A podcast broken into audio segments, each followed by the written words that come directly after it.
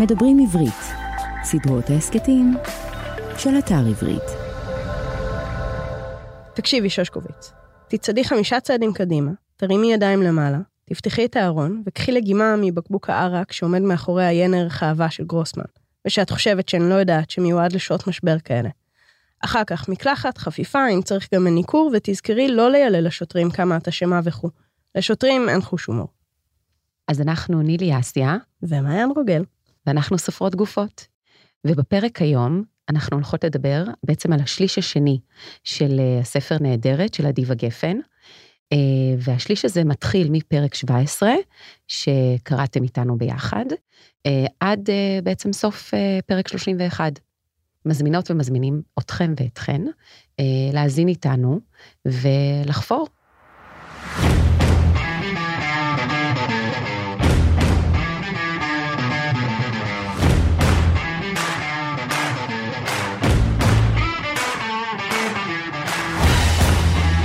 דבר ראשון, אני רוצה להגיד, לפני שאנחנו נמשיך עם הפרק, אה, שאני רוצה רגע אה, להתלונן על הפורמט שלנו, ואני רוצה לשאול מי המטומטמת שחשבה שזה רעיון טוב להכריח אותנו לעצור, כי אני רציתי להמשיך לקרוא, ולא יכולתי להמשיך לקרוא, כי היה לנו ברור. דיל.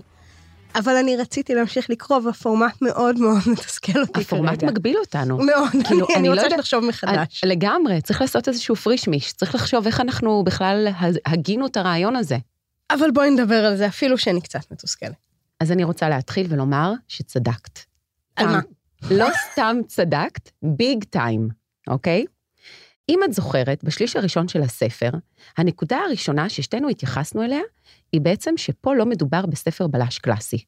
פשוט כי אין לנו את המרדף אחרי הודנת. פה השאלה הנשאלת הייתה בעצם למה? למה דריה מגדיאל קפצה אל מותה? אז עכשיו, אחרי שקראנו את השליש השני, אני חוזרת בי.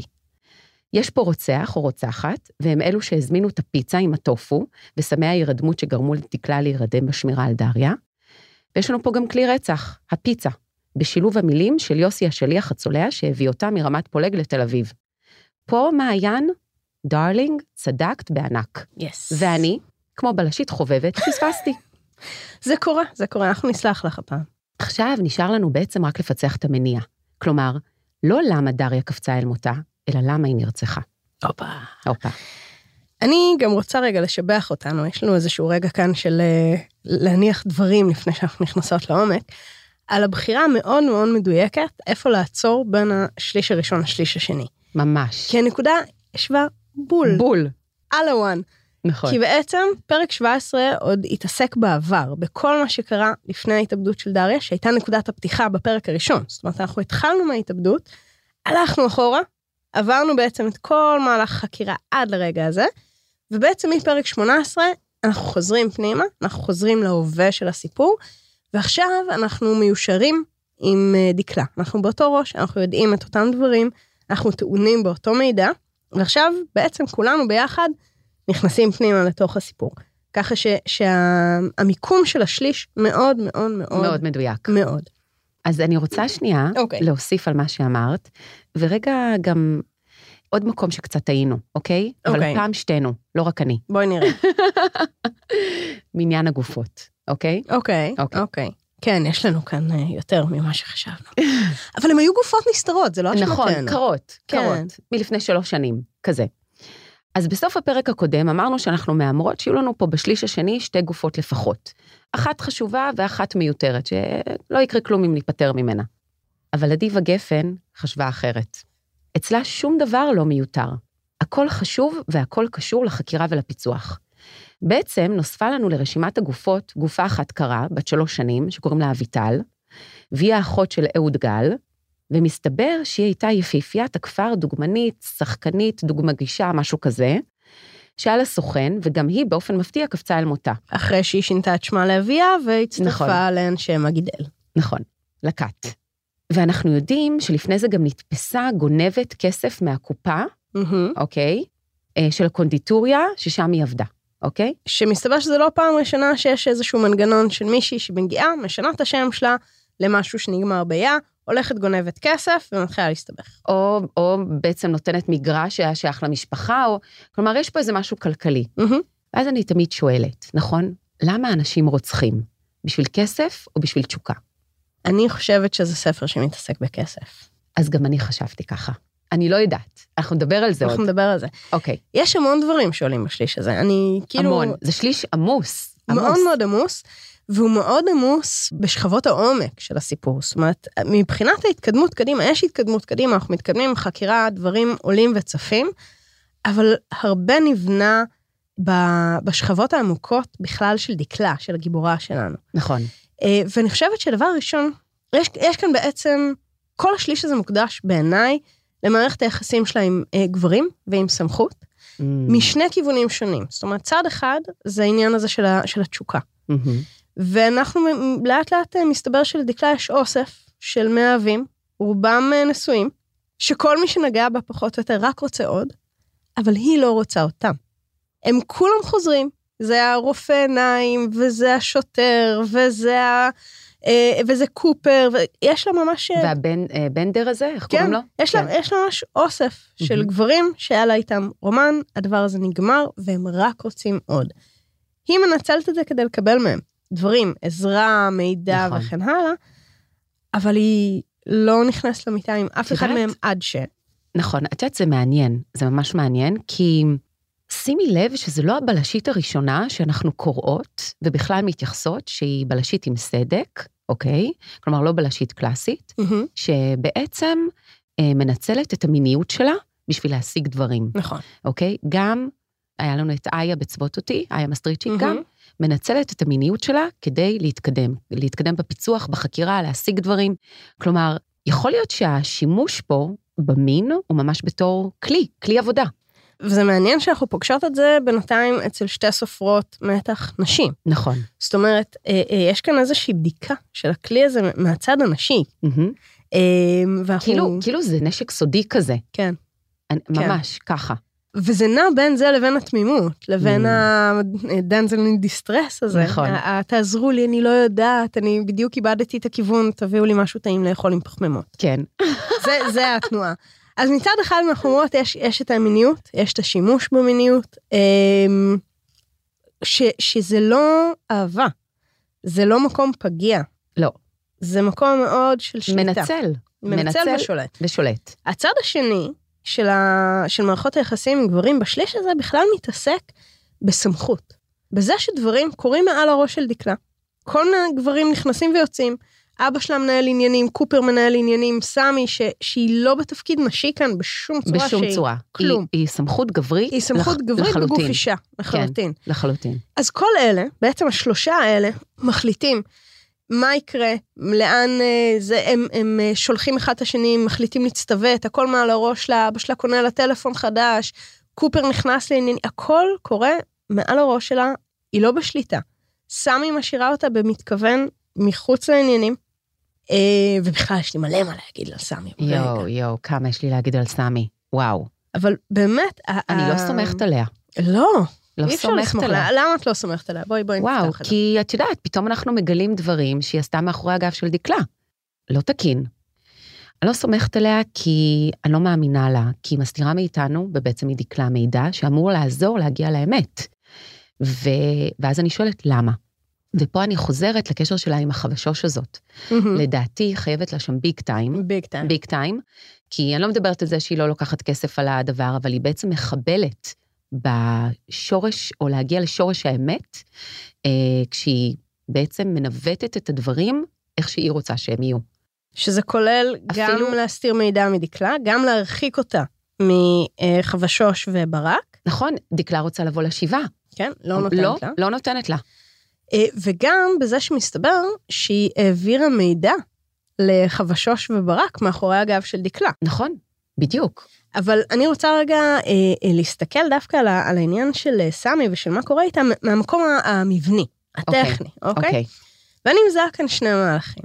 מהלך מספר אחד, זה הנקודה הקלאסית של אמצע סיפור בלש, שהסמכות, המפקד, הזה, המפקדת במקרה הזה, באה ואומרת, אוקיי, זו, עבודה יפה, כל הכבוד, סיימנו את התיק, הנה, הבנו שדריה התאבדה, הגופה נלקחה, נגמר, נגמרה החקירה, יאללה, כפיים שיגעון, ממשיכים הלאה. דקלה אומרת, רגע, רגע, לא, שנייה, רגע, יש כאן משהו לא ברור, יש לי עוד שאלות, אני לא שקטה, משהו כאן מרגיש לי מוזר, והיא אומרת לה, לא, לא, אני מחליטה, סיימנו, די. הנקודה הזאת שבה הסמכות הופכת להיות המעצור, היא נקודה קריטית, כי זה המקום בעצם שהבלש נבחן. על האופי ה- שלו, כן, האופי שלו. המסירות לאמת. בדיוק. המסירות לחקירה. ברור. כמה הוא מוכן להילחם באגרופים שלו כדי להגיע לצדק, בדיוק. כדי להגיע לאמת. וסמי כאן הופכת להיות הפרעה, היא מעצור. נכון, וכשהיא הופכת להיות מעצור, אה, וכשגם בעבר היא מחוברת לחבשוש, הסיכוי שהיא חלק מהקנוניה מאוד גדול. אני מהמרת. ברור לי, היא חלק מהכת הזאת. היא לגמרי. גוזרת שם קופון לדעתי. הדבר השני שנפל לי האסימון, יש לנו את הצולע. הצולע נכנס בשליש הזה, הוא בעצם אה, מגיע לבית של אה, דקלה, מודיע לה שהוא יודע שדריה השאירה משהו, המשהו הזה שייך להם, היא מתבקשת להחזיר את זה, כדאי שתעשה את זה בנחמדות, למה אחרת חבל חבל על הפנים היפות שלה. והוא מופיע לנו בעוד נקודות. הוא חוטף את גליה, ששמה נגמר ברור. ביה, והיא לכך בהתאם לזאת, היא שייכת למגיד אל. והיא- והיא הקצה חוט אה, שלהם, כלומר, ייתכן שהיא זאת שתעזור בדיוק. לדקלה להגיע לפיצוח. אבל בתוך כל המהלך הזה, ואני קצת מדלגת קדימה, הם מצליחים להגיע. היא- היא יחד עם אה, קופר, הם מגיעים לצולע, הם תופסים אותו, אוזקים אותו, חוקרים אותו, ובאיזשהו שלב היא אומרת לו, רגע, רגע, אתה גם הבאת את הפיצה? ואז הוא אומר לה, אני לא נוגע במזון, זה חלק מהתנאים שלי. ואז הבנתי, הוא מדבר אמת, נכון. כי זה הולך ככה. מי שאוכל, כבר דיברנו על זה, בפרק דיברנו על השומן ועל בדיוק. הזה, ברור. מי שאוכל, משקר. מי שלא נוגע באוכל, שזה דריה, דקלה והצולע.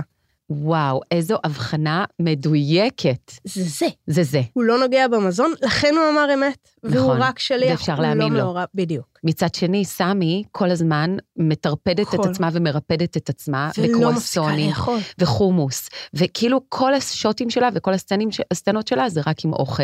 לגמרי. אותו דבר גם מה שאנחנו רואים אה, את אה, חבשוש, נו, שהן נכון. שתיהן, כאילו שתי נשים גדולות, גדולות ואוכלות, אוכלות. ואוכלות ואוכלות, ודקלה לא לא אוכלת. אוכלת כלום. היא לא אוכלת כלום.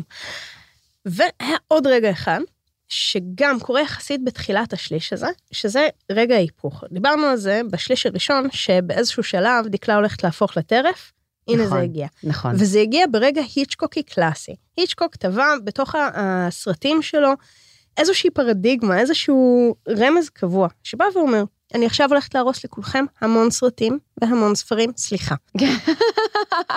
מגיעה נקודה איפשהו בין השליש לאמצע, נכון. ששם הבלש יעלה במדרגות, לכיוון מקום שנראה לו או בטוח או זירה, זאת אומרת, יש שם עלייה במדרגות. מי שירד במדרגות, בהכרח יהיה הרוצח. נכון, ויש לנו את הרגע הזה. נכון. דריה שומע, מגיעה הביתה, שומעת קולות, עולה לאט-לאט, קולטת שהבית שלה פרוץ, נכון. וגבר בקסדה, י- יורד למטה. וכמה מפתיע שקופר, בדיוק באותו הרגע, נמצא שם. כלומר, מי נתן לו את האינטל הזה לפני? יפה. אבא שלה, סמי? מה, מה את אומרת על קופר? בואי, ת- ת- תני אני לנו רואה- רגע רקע על קופר, אוקיי. ואז אנחנו... טוב, קופר, גם מישהו שכנראה היה בצבא קרבי, אה, משהו כזה שושואיסטי, אה, מכיר גם באופן מפתיע, יש לו מלא חברים שחייבים לו, אה, האקס המיתולוגי של דקלה, אה, כנראה גם חתיך הורס, עיניים ירוקות. ויופי של סקס. ויופי של סקס, מדהים, וכנראה גם אה, אבא של דקלה חם עליו. לא וגם מה- סמי. וגם סמי. כולם רוצים שדקלה תהיה איתו. למה? ואני פה רוצה להגיד את המחשבה שלי, שוב. כי נכון שדקלה, אמרנו, יש לה המון רומנים עם המון גברים, מהמם. אבל הוא כנראה יש לו פינה אחרת בלב שלה. כולם רוצים לראות אותה כבר מיושבת. שתתחתן, שתביא נכדים, שתביא ילדים, שכאילו ה- כל המוטיבציה שלה והאנרגיה שלה יהיו מופנים לבית ומשפחה, ולא לחפור ב, ב, בתיקים סגורים. אבא שלה רוצה נכדים, ולדעתי סמי, דקלה כרגע הגיעה לנקודה הזאת שהיא מפריעה לה. די, התיק סגור, תשכחי מזה. הנה קופר, תתעסקי בו, קחי כזה. גבר. קחי גבר, תשתעשי איתו, צחקי. עכשיו, קופר נעלם. הסיפור היה שהם היו ביחד. אה, זה נכון, היה שהם שכחתי יחסים להגיד את זה. נהדרים. והוא נסע לחו"ל, הוא נכון. נסע לטיול גדול כזה. אמ, לפני הטיול, הם הבטיחו, ממשיכים לאהוב, לאהוב, ממשיכים לאהוב. לאהוב ולהיות בקשר, הוא יכתוב בדיוק. לה עניינים סבבה. אחרי חודש, נעלם. נעלם לחלוטין למלא חודשים, זה כן. שמונה, תשעה חודשים. נכון. אמ, והיא כועסת עליו. היא נורא נורא כועסת עליו, והוא נורא מנסה לדבר איתה. אה, וכשהוא סוף סוף מצליח, בעזרת אה, צמד אה, אזיקי פרווה ורודים שהיא בכלל הכניסה לסיפור, נכון. הוא מספר לה סיפור, והסיפור נורא מרגש. והסיפור אומר ככה, הוא היה לוחם אה, בצבא, אה, הוא נפצע והמ"מ שלו הציל אותו, אה, ממש הציל אותו ב- ב- על סף מוות. אה, הוא הוא טס לחו"ל, להודו? כן. להודו, פגש שם את המ"מ שלו, חזק על סמים, מחוק לחלוטין, אה, ובעצם לקח אותו להתנקות, והלך לשמור עליו בהרים. איפשהו בהימאליה? אי שם ב- בקצה העולם, ושמר עליו כדי שהוא יצליח להתנקות, והוא לא סיפר לאף אחד כדי לשמור על המ"מ נקי, על כדי השם שיוכל, שלו. כן, שיוכל להמשיך בחייו. כן. היא קונה את הסיפור, והיא שוכבת איתו. את קונה את זה? את אה, מה מאמינה פתאום? על זה? ברור שלא. מה פתאום? אבל אני לא אז מה יודעת... כן, מה היה שם, אוקיי. אם לא זה? יש כאן כמה כיוונים, יש כאן כמה אופציות. אני כל הזמן, אה, אני, אני לא סגורה על זה, אני אוהבת שאני לא סגורה על זה. זה אומר ברור. ששדיווה גפן עשתה כאן עבודה טובה של הטעיה. ברור. מצד אחד, קופר נראה לי כמו רד הרינג, הטעיה, עוד פעם, מושג היצ'קוקי, אה, הטעיה קלאסית.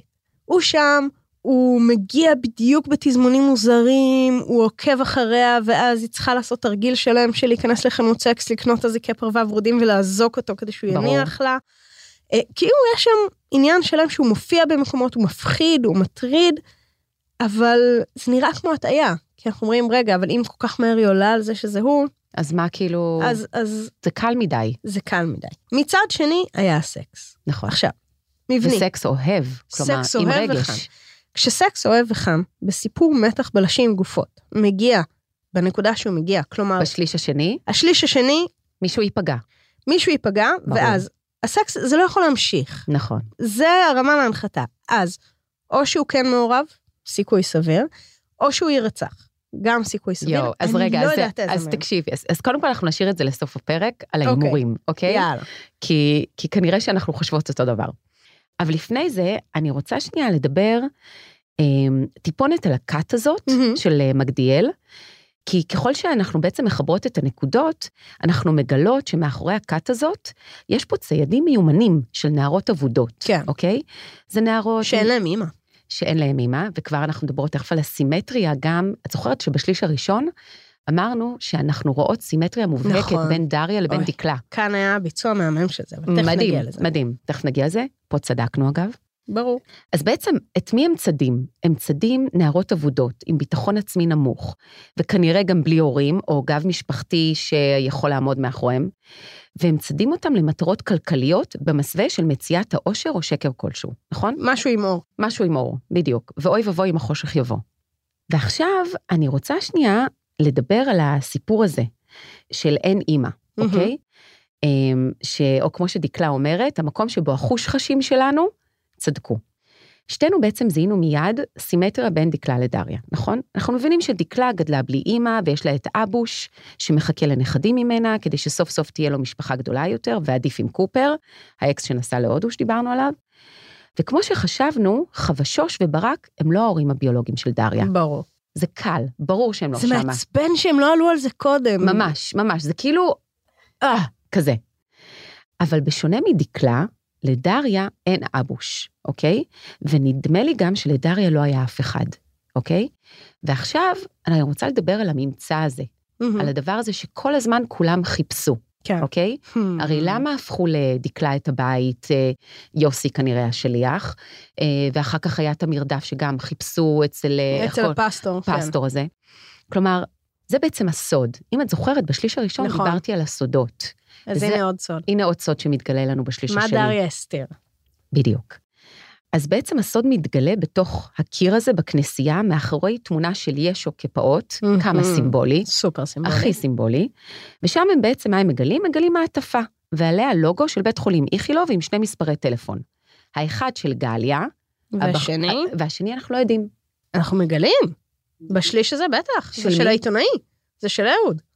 המספר אה. השני זה של אהוד. באמת? בטח. איך פספסתי עוד פעם, יואו, 2-0, לך, אלוהים. אוקיי, אז נכון, יש- זה של אהוד. זה של אהוד. בדיוק, נכון.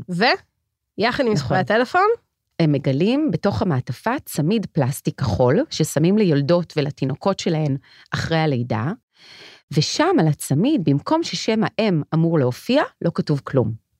ויש שם במעטפה גם מכתב שחרור ממחלקת היולדות ליולדת בשם קרולינה. ונולד לה בן במשקל 3.4 קילוגרם.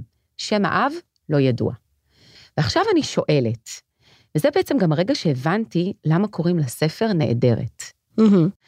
כי אנחנו בעצם מחפשות את קרולינה, מהמם. והשאלה היא, האם קרולינה היא דריה או מישהי אחרת? ואיפה ומי זה הבן שלה? מעניין. כן, אני... יש לך מחשבות? לא עלה לי בכלל בראש האופציה שקרולינה היא לא דריה. אוקיי, זה, זה כאילו, זה לא זה עלה לי, ו... אבל, אבל וואלה, ערערת אותי פה. יש כמה דברים עם הסיפור הזה עם המעטפה.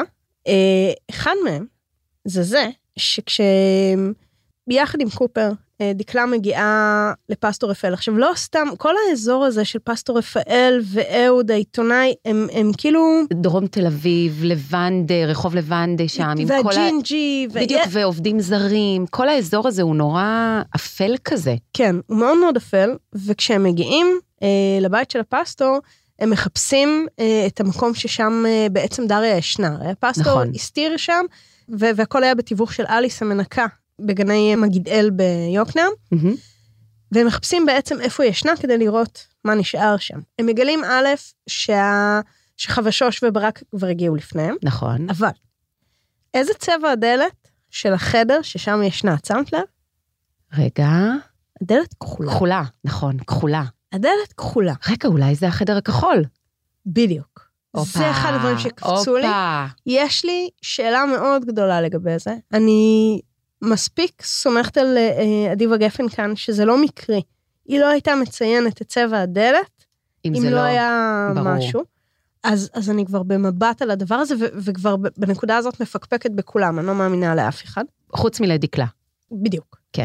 אני מאמינה לדקלה, אני מאמינה לדריה, אני מאמינה... כל הנשים האלה בעצם. כל הנשים, כל הנשים, ודקלה היא אחת מהן. נכון. אוקיי?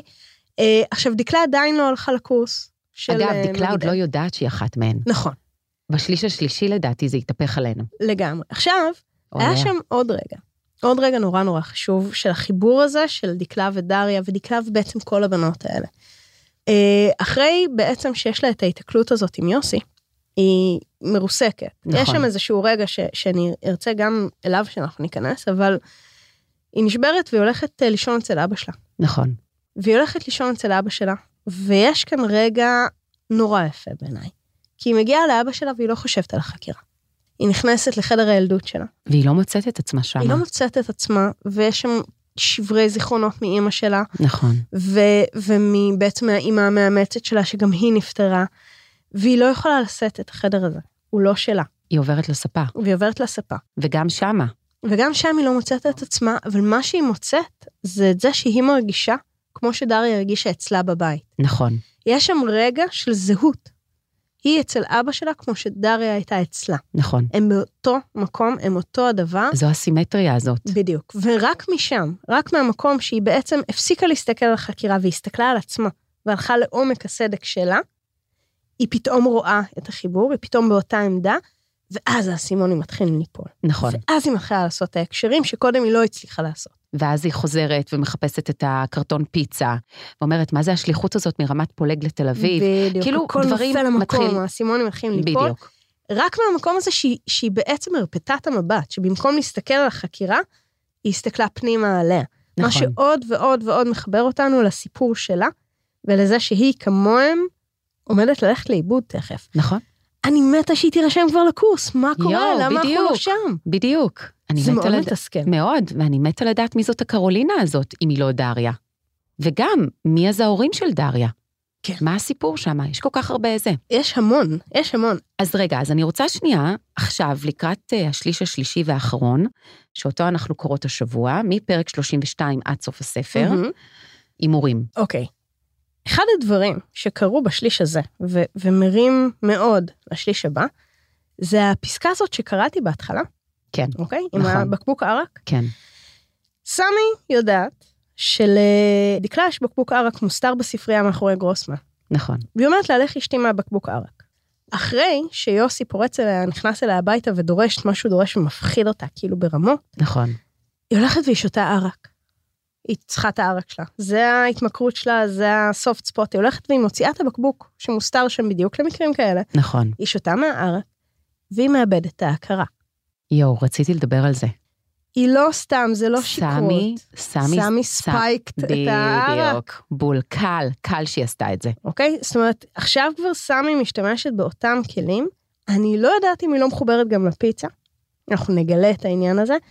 אנחנו הולכים חד משמעית לגלות בשליש הבא, שסמי היא חלק אינטגרלי מכל הסיפור. נכון. היא עובדת יחד איתם, היא לגמרי בפנים. לגמרי, אני לא לגמרי. יודעת אם היא כי היא בן אדם רע או לא. גם היה עוד רמז עם העניין של סמי. היא ודקלה נוסעות ליוקנעם. נכון.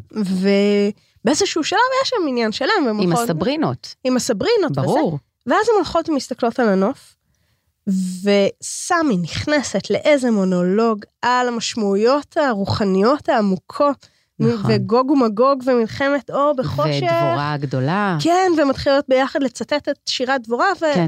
ואני בקטע של אוקיי גברת, זה קצת עודף התרגשות נכון. בשביל הנוף. נכון. זה חשוד לא, ברמות. ברור, זה הרמזים טמונים שמה. לגמרי. קל. סמי היא חלק מהסיפור, אין נכון, לי ספק. אין ספק. לגבי קופר, אני לא יודעת. זה מוציא אותי מדעתי, זו אחת הסיבות שאני ממש התבאסתי שאני לא ממשיכה אוקיי, לקרוא, אז עכשיו בואי- אנחנו נאכל, תודה לאל. אז בואי נתחיל עם עניין הגופות. יאללה. לדעתי, אנחנו צפויות לראות עוד מישהו אחד או שניים משלמים על חייהם בשליש השלישי, אוקיי. והאחרון. אוקיי. אז ככה, אני מהמרת על דוקטור ברק, מהמם. שהוא לא יוכל לשאת את הבושה ויתאבד, אוקיי? כשהכל ייחשף. את בסצנה- חושבת? אני חושבת. מהמם. ואולי גם קורבן. חבשוש תצטרף אליו, אבל אני לא סגורה. אוקיי, אוקיי. ויש מצב שגם יוסי, השליח הצולע, ימצא את מותו, אבל כחלק מהרצון לעזור לדקלה ולקופר, אוקיי?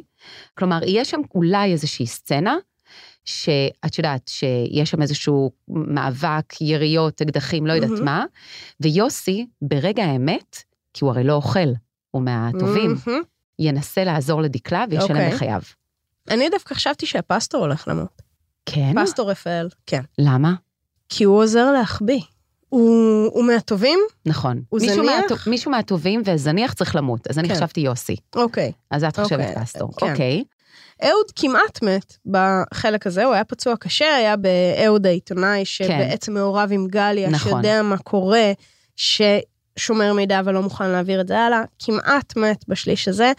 אני לא חושבת שהוא ימות, אני הוא חושבת לא שהוא ימות, ינצל. הוא לא ימות. מאוד מתסכל. אוקיי, ועכשיו אני רוצה להגיד לך מה אני חושבת לגבי קופר. הופה. אני גם מהמרת שקופר שלנו, החתיך, כן. ייפצע. איפשהו במרדף הזה, בסצנה האחרונה, את יודעת, תמיד אצל, כמו אצל טרנטינו, תמיד יש לך מהמם. בסצנה האחרונה את כל הקרב יריות. מהמם. אני מאמינה שהוא ייפצע, ואז גם. נגלה שהוא בוגד. בדיוק. זה דאבל היה טייק. העונש שלו, זה העונש שלו. העונש שלו על זה שהוא בגד בדקלה, לא בטיול הזה בהודו, מהמם. ב- עכשיו. עכשיו.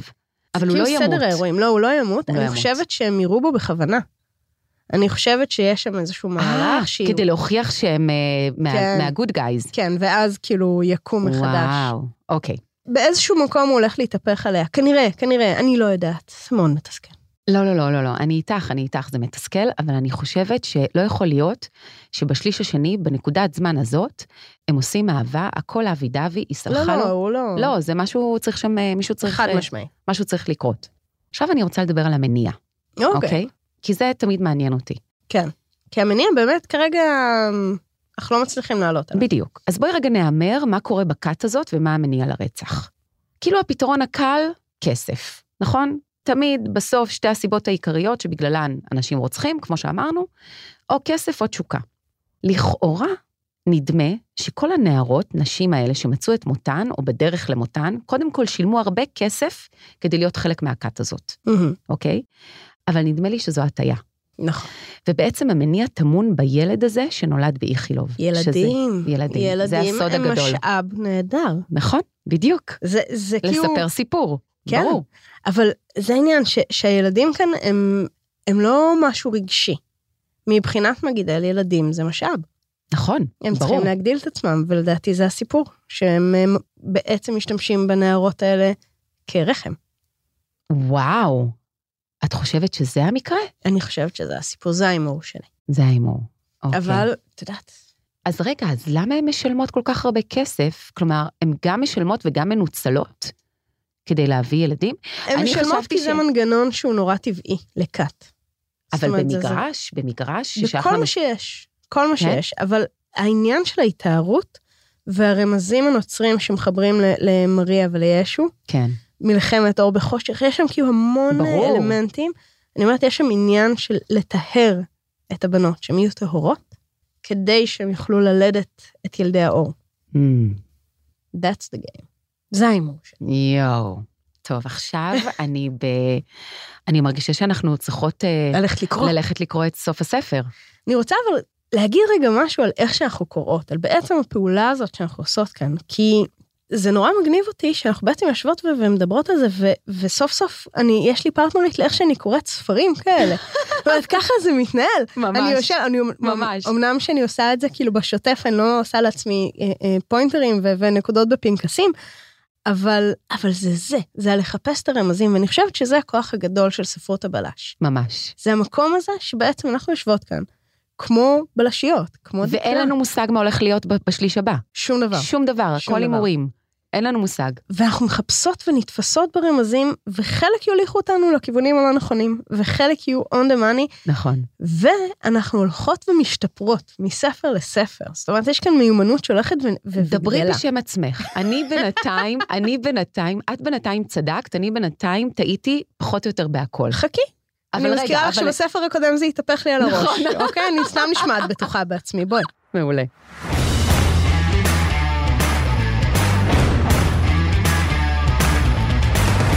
אוקיי, אז בעצם אנחנו עכשיו אה, מסתכלות על הפרק השלישי מהמם. של העונה השנייה, ובו אנחנו קוראות מפרק 32 עד סוף הספר, ובאות לדבר על זה. ובאות לדבר על זה, ובואי נראה מי צדקה ומי טעתה. לגמרי. זהו, אז אה, אני רוצה להגיד לך תודה רבה, מעיין רוגל, תודה רבה, נילי אסיה. ותודה לכם, המאזינים והמאזינות. ותודה לדולב אזולאי, אה, הטכנאי שלנו. ברור שבלעדיו כל זה לא היה קורה. אה, אנחנו נתראה בפרק הבא. ובפרק הבא. האזנתם למדברים עברית. סדרות ההסכתים מבית אתר עברית, חנות הספרים הדיגיטליים, מודפסים והקוליים הגדולה בישראל. ספר זה וספרים נוספים מחכים לכם באתר עברית.